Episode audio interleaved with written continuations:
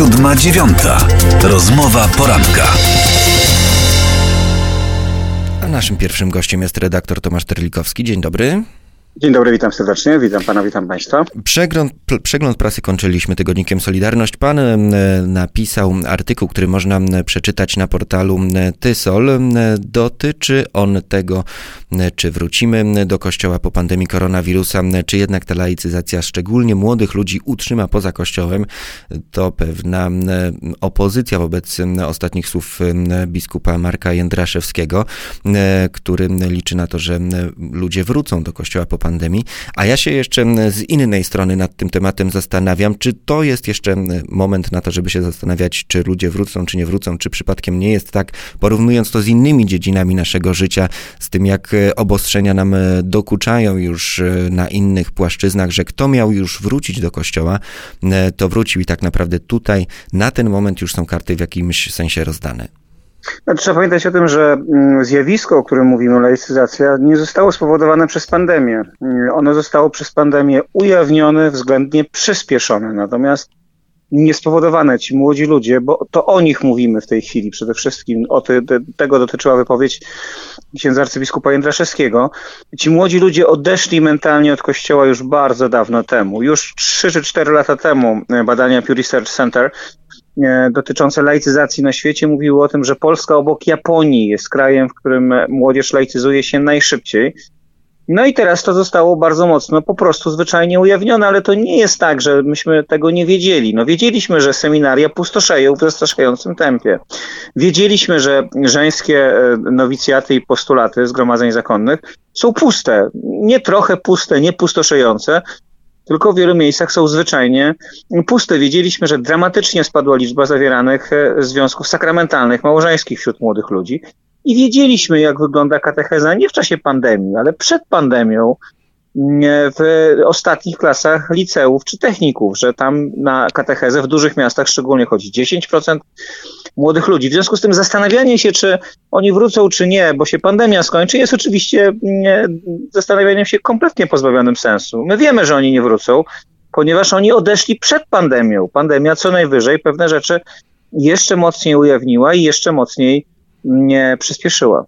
A patrząc na to z tej strony, dokąd y, młodzi ludzie odchodzą, czy odeszli y, w momencie, w którym zniknęli z kościoła, to czy mamy do czynienia z laicyzacją, czyli właśnie y, odchodzeniem od kościoła, czy szerzej patrząc z pewną taką desakralizacją ogólną naszego życia codziennego? Innymi słowy, czy, czy młodzi ludzie szukają jakichś alternatyw dla kościoła, czy w ogóle sfera duchowa, sfera takich wartości ich nie interesuje?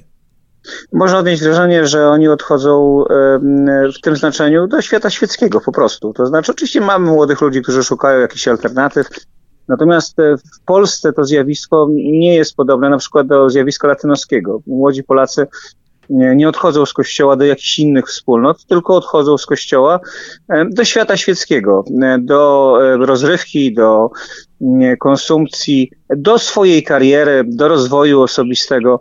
Natomiast niekoniecznie to jest połączone z poszukiwaniem głębokich wartości duchowych. To jest związane także z tym, że można powiedzieć, że transmisja wartości duchowych między starszym a młodszym pokoleniem e, została przerwana. Pokolenie dzisiejszych 40-50-latków, czyli rodziców tych dzieci, tych młodych ludzi, którzy teraz wchodzą e, e, w świat i laicyzują się błyskawicznie. To już byli ludzie, którzy byli zainteresowani w dużej mierze, to jest moje pokolenie, więc mogę o nim mówić spokojnie, zrobieniem kariery, zarabianiem pieniędzy, ustawieniem się, Kwestie duchowe często już w naszym życiu schodziły na margines, ale my w odróżnieniu od tych młodych ludzi mieliśmy często jeszcze zaplecze, pamięć, wspomnienie młodości na jakichś wyjazdach kościelnych, jakichś przeżyć religijnych.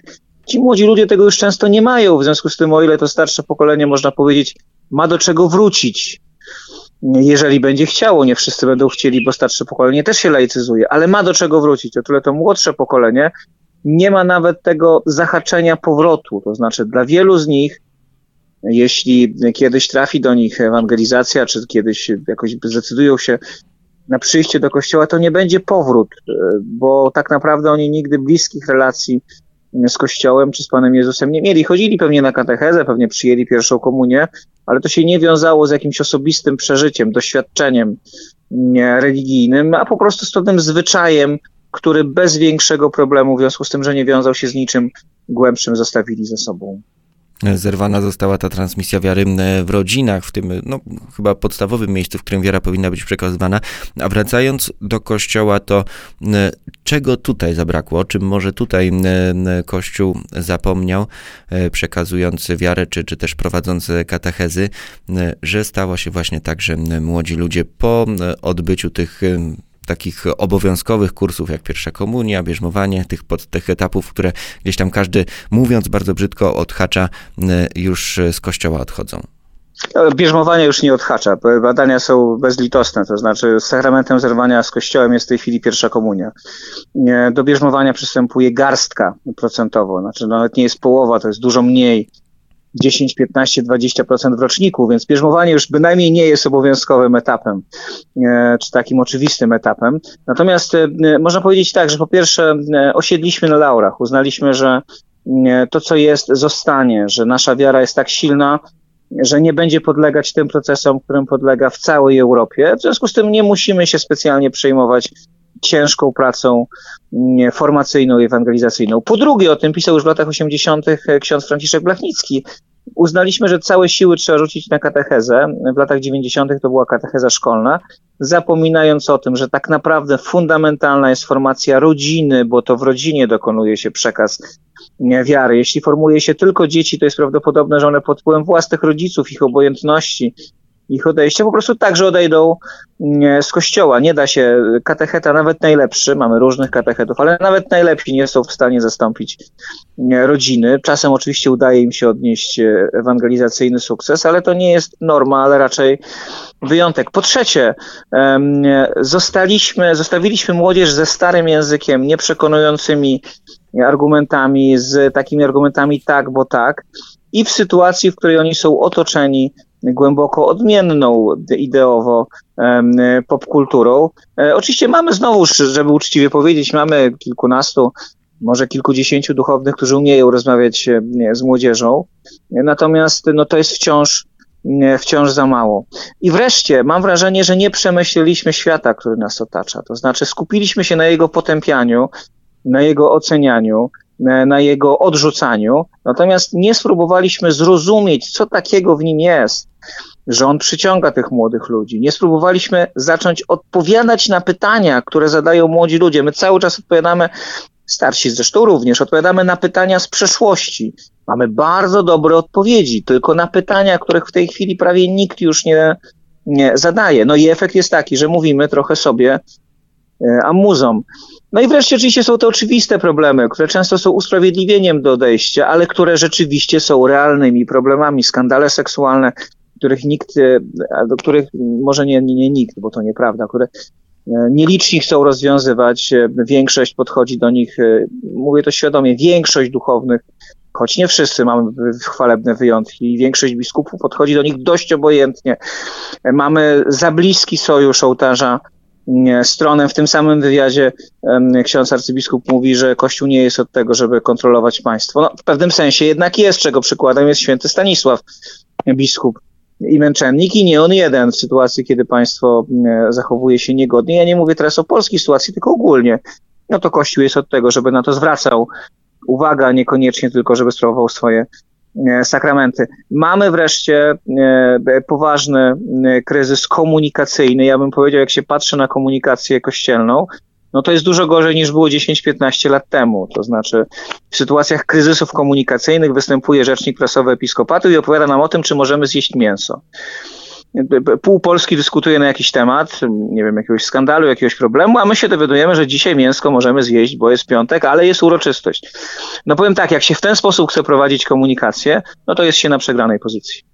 A co w takim razie e, Kościół powinien zrobić? No bo na ewangelizację tego starszego pokolenia e, rodzin całych, e, żeby dojść w ten sposób do młodych, może być za późno. Jak w takim razie no, bezpośrednio próbować tego kontaktu z młodymi? Nie ma prostego, prostego modelu. Jeśli ktoś sądzi, że uda nam się szybko zatrzymać ten proces, to nie ma takiej możliwości. To znaczy, najzwyczajniej w świecie trzeba zacząć bardzo cierpliwie odbudowywać formacje rodzin, formacje młodzieży, formacje dorosłych, uczyć modlitwy i to jest bardzo długi proces i prawdopodobnie te zjawiska, które my jesteśmy w tej chwili widzimy, będą się tylko pogłębiać.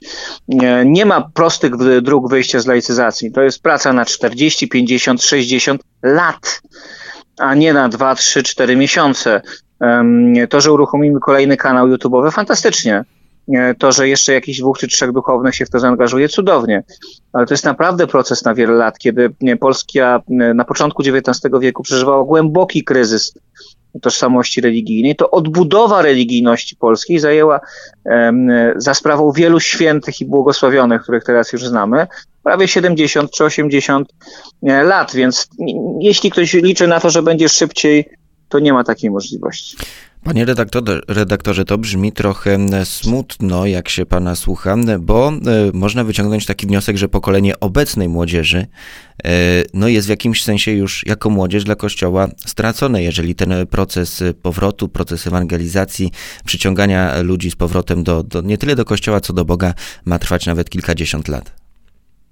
No ale ja powiem w ten sposób, że trzeba być realistą, a nie e, budować sobie wizje, które są zwodzeniem e, samych siebie. Poza tym no, nikt nie powiedział, że ta młodzież jest stracona. Ona będzie szła swoją drogą. Dwudziestolatkowie obecni za 50 lat będą mieli 70 lat.